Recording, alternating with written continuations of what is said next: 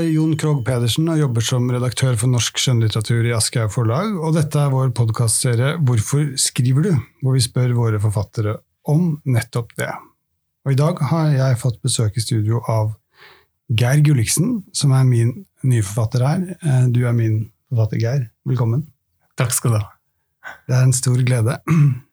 For meg også. Du er eh, forfatter og redaktør, og i høst er du aktuell, som det heter, med romanen 'Bli snill igjen', som kommer 11.9. Det er kanskje dårlig gjort å spørre om det sånn rett før, men hvordan er det? Hvordan føles det? Hvordan er det å gi ut bok? Det å utgi bok syns jeg kanskje ikke er eh, alltid Det er, det er liksom det, det, er vanskeligere og vanskeligere, syns. Jeg syns det er litt vanskelig. Eh, fordi når i hvert fall har jeg det sånn at når jeg skriver, så tenker jeg ikke på at noen skal lese det. Uh, og det er selvfølgelig en konstruksjon, men den funker veldig bra. Jeg tror på en måte ikke at noen noen gang kommer til å lese det i det øyeblikket jeg skriver. Uh, og jeg vil jo gjerne bli lest, selvfølgelig, så det, det, er jo derfor jeg også vil utgi. Men liksom selve sånn utgivelsesdagene er en litt sånn sårbar og dum tid, syns jeg.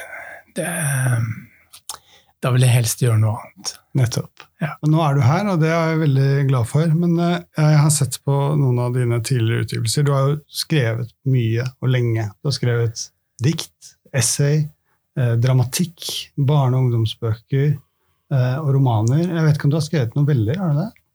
Ja, noen få, noen få, men ikke, sånn, ikke noen novellesamlinger. Nei.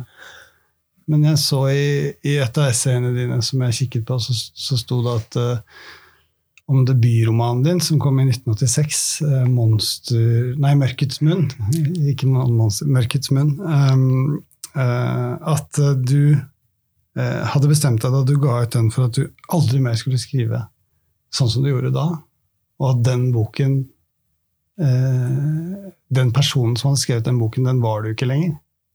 Har jeg skrevet det, ja? Ja, ja. Eh, eh, nettopp. Eh, og, og jeg, jeg, jeg, tenkte på det da, da vi jobba med, med, avslutningen her for noen uker siden, at du ikke ville ha bibliografi i, i ja. innledningen på boken. Og så kom jeg til å tenke på det da jeg så dette, at er det sånn at du forandrer forholdet til boken i så stor grad at du på sett og vis ikke lenger er den samme som har skrevet? Ja, det er det nok absolutt. Og så hadde jeg, jeg, hadde jo en helt annen plan for hvordan jeg skulle være forfatter enn sånn som jeg har blitt. Jeg hadde vel tenkt meg at jeg skulle være en forfatter som utga noen få veldig sånn strenge bøker, på en måte. Sånn litt korte, strenge bøker som var liksom, Jeg hadde mye tanker om hvordan, hva slags forfattere ville være. Strenge, hvordan da? Ja, det, Jeg vet nesten ikke hva det betyr selv lenger, men, men litt sånn små, utsøkte jeg tror det er fint å si strenge, fordi det var noe strengt inni meg som gjerne ville styre alt sammen. Som, som gjerne ville liksom søke en slags beskyttelse i å være eh, en type forfatter som jeg på en måte hadde tenkt ut på forhånd. Mm. Og det er selve oppskriften, tror jeg, på å mislykkes som forfatter. det er å ha en veldig klar plan om hva slags forfatter du skal være, og hva du ikke skal gjøre. Og sånn. Sånn at, eh, og det skaffet meg en hel del bry. Og da jeg liksom kom gjennom det Etter det så har jeg på en måte tenkt jeg skriver hva som helst hvis jeg bare får lyst til det. Og tror at jeg kan klare det, eller tror at det er vanskelig nok til at jeg burde prøve meg på det, eller et eller annet sånt noe. Og sier veldig ofte ja hvis folk spør kan du skrive noe til ditt eller datt. eller sånt, fordi det er en anledning til å skrive noe som jeg ikke hadde planlagt og ikke vet om på forhånd. Veldig, for meg handler skriving veldig mye om å liksom lure meg selv. Og gå, liksom, få gjort ting på tvers av meg selv, på tvers av hva jeg hadde tenkt, og på tvers av hva jeg gjerne vil.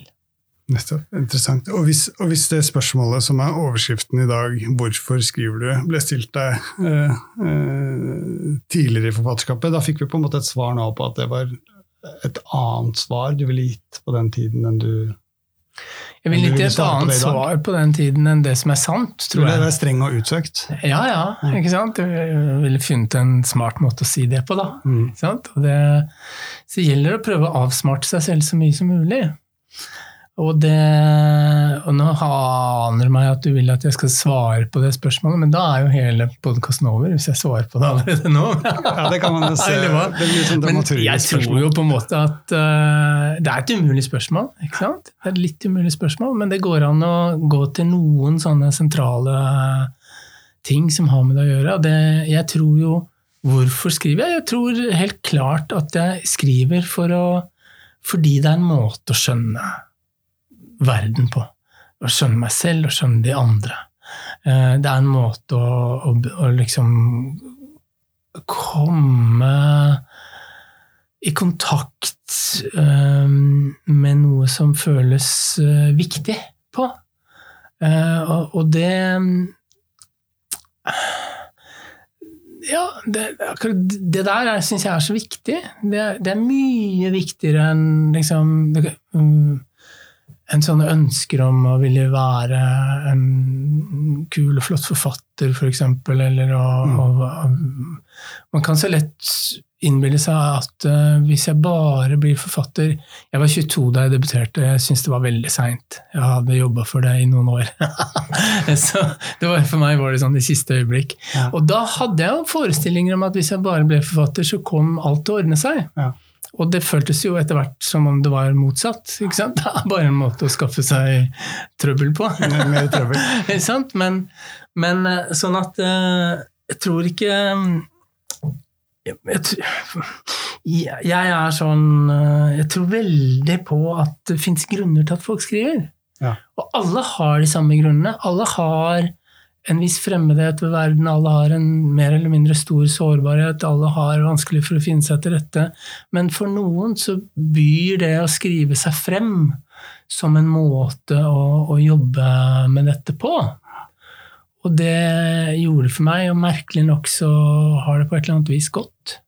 I veldig mange år så tenkte jeg at, at jeg var på en måte lotsom. I veldig mange år så tenkte jeg at det, det er vel, jeg passer jo ikke til å være forfatter. Jeg har ikke det som trengs. Eh, og så plutselig, på et eller annet tidspunkt etter at jeg ble ganske voksen, så har jeg tenkt jeg tok feil. Jeg har alt som trengs for, for å være forfatter. Eh, Jeg har litt sånn uklare grenser mellom meg selv og resten av verden, og jeg har det ofte vanskelig med å finne meg til rette i verden. St- Stort mer enn det trengs ikke på én måte. Så trenger du å lære liksom, å bruke språk, og du trenger å være litt opptatt av språk, og du trenger i hvert fall å være opptatt av litteratur. Men, men jeg tror jo veldig på at eh, det, det viktigste du har når du skal skrive, det er um, sårbarhet. Du må bruke den. Nettopp. Og du har jo også skrevet veldig mye om litteratur i estetikken. Ja. Eh, og også i, uh, i Du har ofte forfattere som er eh, karakterene dine. Eh, skriver ofte. Ja, Eh, jeg har kanskje det. Jeg er litt imot det at, man skal skrive, at en forfatter skal skrive om forfattere, men, men det gjør jo ting veldig mye enklere iblant. da. ja, du sier jo det at du noen ganger liker å leke med muligheten for at det ligner på virkeligheten, det du skriver. At, det sånn, at leke med sånne grep som kan se ut som fra, de kommer fra det virkelige liv. For Ja, det eksempel gjør jeg. Det gjør jeg klesvasken, mye. som ofte henger ute til tørk i, i vinen. Altså det er jo, eller laken tørket i vinen. Det er, det er et gjennomgangstema i ditt forfatterskap. Som du kanskje ikke engang er klar over selv. Nei, er det nå, når du sa det? Jeg kan kjenne det igjen.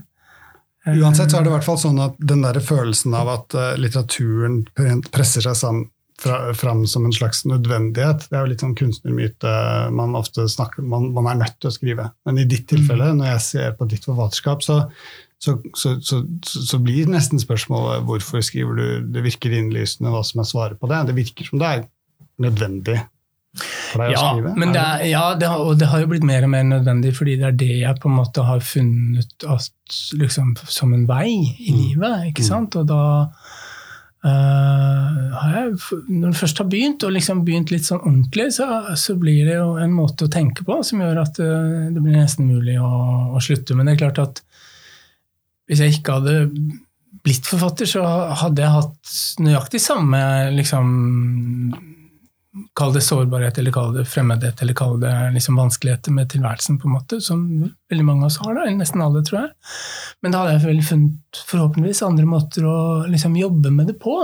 Men jeg er litt sånn mer og mer, må jeg si, imot det der at de skal si ja, det er jo litt sånn forfattermyte og sånn. ikke sant? Sånn som Fordi jeg var sånn selv lenge at jeg var veldig mot alt som liksom kunne høres ut som ja, du prøver bare å gjøre deg viktig, du prøver bare å snakke sånn som forfattere skal snakke og sånn.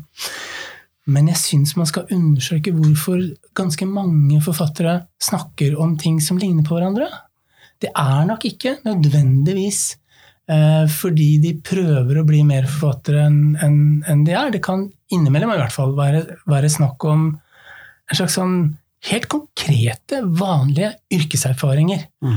Eh, som f.eks. det når jeg sier sånn sårbarhet er det viktigste du har når du skal skrive, så er det klart at jeg kan tenke meg flere navngitte mennesker i litteraturverdenen som vil si ha-ha, det der er sånn forfattermytologisering. Og jeg vil da si du tar feil. Det er det ikke. Det er, og det er ikke noe mystisk, og det er ikke noe sånn at det er derfor noen forfattere drakk så mye og sånn. Nå er det slutt på det av en eller annen grunn. Men liksom, det er ikke noe mystisk. Eh, det er en helt sånn um, konkret yrkeserfaring at skal du skrive bra, så må du inn i noe som er litt akutt og litt skeivt hos deg selv, og som, som, som uh, Og du må hente opp din egen sårbarhet. Uh, hvis du gjør det, så blir det mye bedre. Det er ikke noe mystisk. Det er det. Det er jeg helt enig i, og, og, du er jo um, en av dem som virkelig tematiserer den sårbarheten i bøkene dine også. Altså den identiteten som skiftes, forhold som går i stykker, noe nytt som oppstår, uh, pinligheter. Når man leser uh, anmelder, anmeldelser og mottakelser av bøkene dine, så snakker alle om det er nådeløshet, borer dypt det, det, er er litt fryktløst, på en måte. Den måten du går inn i et selv på. Eh, og for meg så virker det jo da eh, som om ja, den sårbarheten er veldig eksplisitt tematisert i, i forfatterskapet. Jeg tror det at eh, når man som meg har en, en slags hang til å ville beskytte seg og bli gardert og, og, og umottagelig, Eh, så blir jo den sårbarheten også veldig viktig å ta vare på. Eh, det, så det er jo et livsprosjekt òg, kan du si. At eh, jeg vil, jeg vil være sårbar. jeg, vil, jeg vil Så derfor skriver jeg om sånne ting. Mm. Jeg skriver om hva jeg vil at Jeg vil i hvert fall ikke liksom fremstå som du vet, sånn suveren og selvsikker og idiot, på en måte. Og det kan jeg veldig lett gjøre! Så det er jo liksom det, det, Dette har jeg på en måte En spenning, tror jeg, som, som, jeg kjenner veldig mye på, og som jeg bruker i skrivingen. Bruker til å lage situasjoner, eller, eller ha med meg sånn noen situasjoner som jeg tenker den passer til å liksom, vise frem akkurat det der, så kan jeg bruke det.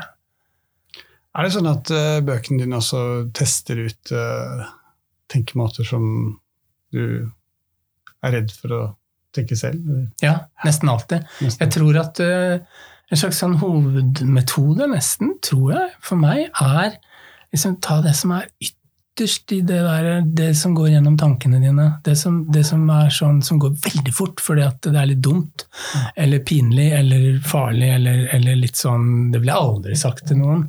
Jeg har på en måte lært meg at det, det har jeg veldig nytte av da, i skrivingen, å ta tak i de tingene der. Uh, og det Um, hvorfor sa jeg dette? Glemte hva du spurte om. Jeg. Jo, men jeg lurer på hvorfor du er så god til å teste ut uh, det forbudte. på en måte. Altså, ja, den, den... Er, Hvis jeg er god til det, så er det fordi jeg gjør det veldig målbevisst. ja, nettopp. Ja, enda, enda bedre. og det hvordan... har blitt en, en, slags metode. Så blir jeg litt redd for meg selv når jeg sier at det har blitt en metode, for jeg er veldig redd for at man skal skaffe seg sånn det er sånn jeg gjør det, og det virker hver gang, så da bare fortsetter jeg med det. For det, det Det gjør jo ikke det. Det virker ikke hver gang. Man må videre. og man må, og, og så, Det er litt sånn hver dag krever noe annet, og hver bok krever noe annet. og Du kan ikke være forfatter på samme, tid, samme måte hele tiden. Eh, sånn at uh, nå har jeg, etter at jeg liksom begynte å skrive romaner for alvor, i 2009 så har jeg Jeg var jo forfatter i mange år før jeg egentlig skrev romaner. Så jeg har skrevet Altså, seks debut- romaner debut- med den som kom. Debuten er en roman, er det ikke det? Og så er det Jo, en en slags roman. Nettverks, flettverks... Ja, en slags punktroman, Ja. kan man jo si. Ja. Ja. Ung og eksperimentell, eh, ambisiøs forfatter. Jeg var eh, Det var det Streng at eh, jeg var sånn streng og, og så betraktet meg selv hele tiden, vet du, ikke sant? Men så Og det funka jo ikke. Jeg hadde aldri klart å debutere engang hvis jeg ikke hadde klart å liksom komme utenom det på et vis. Og så var det at jeg leste Cecilie Løveid, en poet egentlig i Bergen, men som skrev noen veldig poetiske romaner på 70-tallet. Mm. Fineste av de kom i 1979 og heter Sug. Mm. Jeg leste henne, og så ble jeg helt sånn som man kan bli da, hvis man er en leser. At jeg, det, var, det var liksom mine bøker. Åpnet seg opp et eller annet. Ja, og åpne seg opp, og jeg bare herma òg. Ikke sant? Og Ja. kasta meg ut i det. Ja. Jeg ville skrive sånn som henne. Og tenkte det kan jeg trygt gjøre, for jeg har helt andre erfaringer. Hun var en voksen kvinne, jeg var en litt yngre mann. Og sånn og sånn og sånn. ikke sant? Sånn at eh, jeg brukte det helt uhemmet. Eh, og det fikk meg nettopp til, kanskje for første gang, da, liksom, å, å få fram en slags Det er noe så veldig sånn intimt hos Cecilie Løveid. Um, en sånn det, Hun har sånne personer som stryker seg selv på kroppen. eh, på en måte som, som eh, nesten ingen andre forfattere klarer å skrive, for det hadde bare blitt dumt. på en måte. Ja. Hos henne så gir det totalt mening. Du skjønner at det er en måte å utforske verden på, å stryke seg selv på kroppen. Ja. Ikke sant? Et eller annet sånt. Et eller annet sånt. Ja. Eh, og da, gjennom det, så fant jeg liksom en vei. Men så, etter den første boka, så tror jeg at eh, du vet ofte ikke hva du gjør når du skriver. Og du åpner opp noe som du ikke vet helt hva du viser frem. Og det som du siterte i stad, hvordan jeg snakket om den første boka mi, tror jeg egentlig bare handlet om at jeg ble veldig skremt Mm. over hva jeg hadde gjort. Jeg skjønte ikke at jeg ble skremt, men jeg, jeg fikk en veldig sånn Det skal jeg ikke gjøre mer, jeg skal ikke skrive på den måten. Og det var da jeg begynte å skulle være en sånn eh, svartkledd forfatter med, med et veldig strengt uh, program. Så da gikk jeg noen veldig harde år uh, i møte. Før jeg klarte å brekke det opp igjen, på en måte. Ikke sant? Og da skjedde det et eh, vendepunkt, og da startet du på den uh, syklusen med romaner som, som, som avsluttes med 'Bli snill igjen'. Eller? Ja. Altså 20. dagen, var det cirka da? Ja. ja. Men det liksom første sånn gjennombruddet jeg fikk, var egentlig da jeg begynte å skrive dikt som var sånn, sånn personlig gjennombrudd. Mm. Og det var egentlig bare for jeg fikk så dårlig tid og fortsatt skulle skrive. Sånn at jeg klarte bare å skrive liksom fire-fem linjer av gangen. Og da hadde jeg ikke tid til å tenke på hva slags forfatter jeg skulle være. Nei. Så da bare skrev jeg liksom det som bare så ut som det måtte ut. Så det var en løsning. Og så kom jeg inn i disse etter hvert. da, Så kom jeg inn i denne skrive disse romanene. Og nå tenker jeg at eh, nå er det slutt. Nå kan jeg ikke skrive sånt mer, som jeg har gjort. Om kjærlighet og Om kjærlighet og om sex og om veldig intime greier og sånn. Det, nå må det være nok, tror jeg. Jeg tror ikke jeg dette, sier det fordi jeg har blitt redd. For jeg er ikke redd på den måten lenger. Men, uh, Du men virker jeg- fryktløs i, den, i det landskapet. Ja, jeg er faktisk ganske fryktløs, tror jeg. og det er jeg nok bare fordi at jeg er fryktelig redd. Det Nettopp henger jo sammen, det Ibsen-sitatet om å holde dommedag over seg selv. Ja, At å skrive er å holde dommedag over seg selv. Er Ja. det noe du kjenner deg igjen i? Ja, ja, Fordi når du måte veldig. i denne sårbarheten og denne pinligheten, hvordan har du det da når du skriver? Er det liksom, er det, fryder du deg over at du har funnet noe, sånt, noe som trigger noe, eller som virkelig har energi, eller er du skremt av dine egne innfall, eller hvordan er det? jeg er ofte skremt. jeg er ofte litt sånn eh, Nei, Nei, nei, Må jeg skrive dette? Er det dette? Hvorfor må jeg være en sånn forfatter som skriver sånne ting? Kan jeg få slippe? Ikke sant? Og det jeg er jo ikke så veldig mye dummere enn at jeg skjønner på en måte at når jeg har det sånn, så er jeg på rett spor. Sånn at eh, det, jeg tar, skjønner jo at det er et godt tegn. Eh, at jeg blir redd at, jeg, at den motstanden fins. Det er et godt tegn. Hvis jeg bare skulle skrive det som jeg liksom tenkte, tenkte at eh, ja, da kommer jeg til å se veldig sånn riktig og sånn ut, så er det steindødt. Så jeg er nødt til å gå der hvor liksom Jeg føler at dette kan du egentlig ikke gjøre. Du er jo Og det tror jeg faktisk er et veldig godt råd. ja, ja. Det tror jeg, jeg, det, altså. tror jeg. Ja. Dette kan du faktisk ikke gjøre. Men du er jo også redaktør, eller du er redaktør og har vært det lenge. Du, eh, du ble øh, Holdt jeg på å si øh, Du var kanskje forfatter før du ble redaktør, men du Ja. har hatt et yrkesliv som redaktør i lang, lang tid. Ja. Og er det noe her som spiller inn, når du sier du er ikke dummere enn at du skjønner at den motstanden den er, den er en god motstand? Er, det noe, er dette forfatter-jeg, eller er det sånn at man Ja, kan nei, være sin egen redaktør? Geir, kan man være det? Ja, jeg tror at mesteparten av det jeg har lært meg, har jeg lært av å skrive selv, egentlig. Men jeg har lært veldig mye av å jobbe med andre forfattere. Ehm, ja, altså jeg vet Egentlig vet jeg ikke helt, men, men jeg tror vel at min måte å være redaktør på ligger veldig tett til det å være forfatter. At det er det jeg bruker, på en måte. Jeg hadde noen år hvor jeg var redaktør som var sånn redaktør. Jeg skulle ikke skrive mer, og jeg gikk i dress på jobben, og jeg var eh, Det var noen fæle år, altså. Det er mulig at jeg liksom klarte å være en ålreit leser allikevel. Um, eller mulig at jeg ikke var det. Det er jeg ikke helt sikker på lenger. men, men uh, Det var noen perleår, år, sa du? Ja. ja, men det, det, er, det å være redaktør og det å være forfatter er um, to litt forskjellige ting. Sant?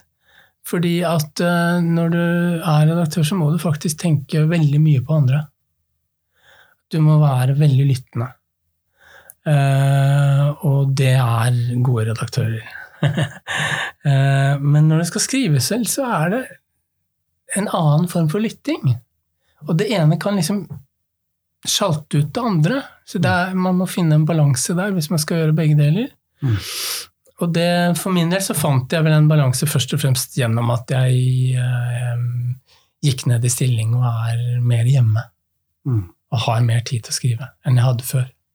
Det hjalp meg jo veldig. Før det, da jeg var noen år hvor jeg jobbet fulltid, og, og du som er redaktør, vet jo at fulltid som redaktør er jo mye mer enn en åtte timer om dagen. Da skrev jeg, da skrev jeg bare sånn um, Omtrent som andre tar en fyllekule, liksom. Jeg skrev innimellom i helger og ferier og om natta, eller sånn. Mm. Og det, det gikk til det ikke gikk lenger, på en måte. Det går fortsatt, og nå er det Bli snill igjen som kommer eh, til eh, neste uke. Eh, hvordan har det vært å, å jobbe med den boka? Det handler om, jeg kan, Skal jeg si kort hva den Ja, handler om? fint. Jeg er veldig spent på hva den handler om. Ja, ikke sant? Det handler om Henning som er, har lagt et par ekteskap bak seg, har to barn. Forholdet forhold med kvinner har dette vært disse ekteskapene. Nå har han bestemt seg for at han, eh, etter å ha vært alene en stund, eh, skal forsøke å bli homo, eller i hvert fall bli sammen med menn. Ja. Eh, og i tillegg så er det en intrige som går med hvordan forhold han har til sine barn, særlig da den ene datteren. Ja. Eh, er det en god oppsummering? Ja, det er eh, det, det, Jeg Den tror holder, det er sant. Ja, den holder. Den holder. Det, jeg tror dette Hele den ideen med Henning som vil bli homo, det er, høres ut som en vits. Og det, jeg syns det var en skrekkelig god idé. Og det, det, når du tenker som forfatter at du har en skrekkelig god idé, så er du egentlig i deep shit, som det heter. Altså, da ja.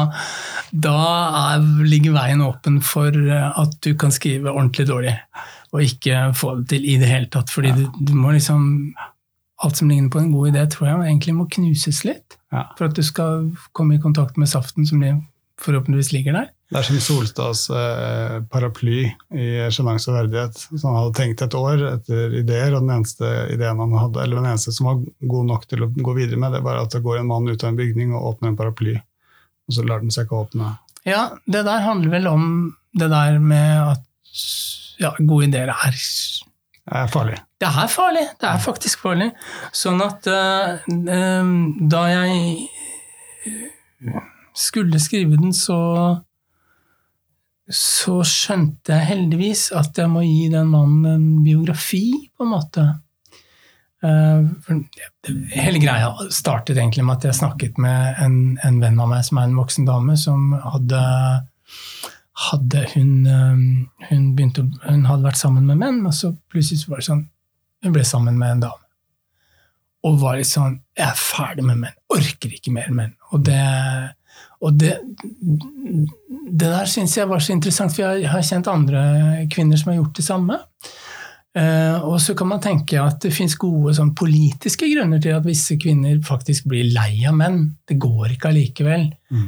De forandrer seg ikke nok, eller de gjør ikke nok hjemme, og de er, og klarer ikke å snakke, eller hvordan det nå kan være da, med menn. Og så tenkte jeg at det har jeg aldri sett en mann gjøre. Aldri sett en mann si liksom Nei, jeg gadd ikke mer. Orker ikke flere damer. Så jeg må være med en som ligner mer på meg selv, kan man tenke seg at det skulle være mulig å si. da. Ja. Så var det den ideen som ble helt sånn eh, Jeg klarte ikke å slippe den. på en måte. Og så da, etter hvert så fant jeg ut at jeg måtte skrive Hennings historie med damene, på en mm. måte. Mm. Hvordan den var. Og da fant jeg på en måte en slags vei inn i det, og da blei vel dette jeg tror hele den ideen med en mann som har lyst til å bli homo, blei en slags mulighet til å skrive om kvinner og menn.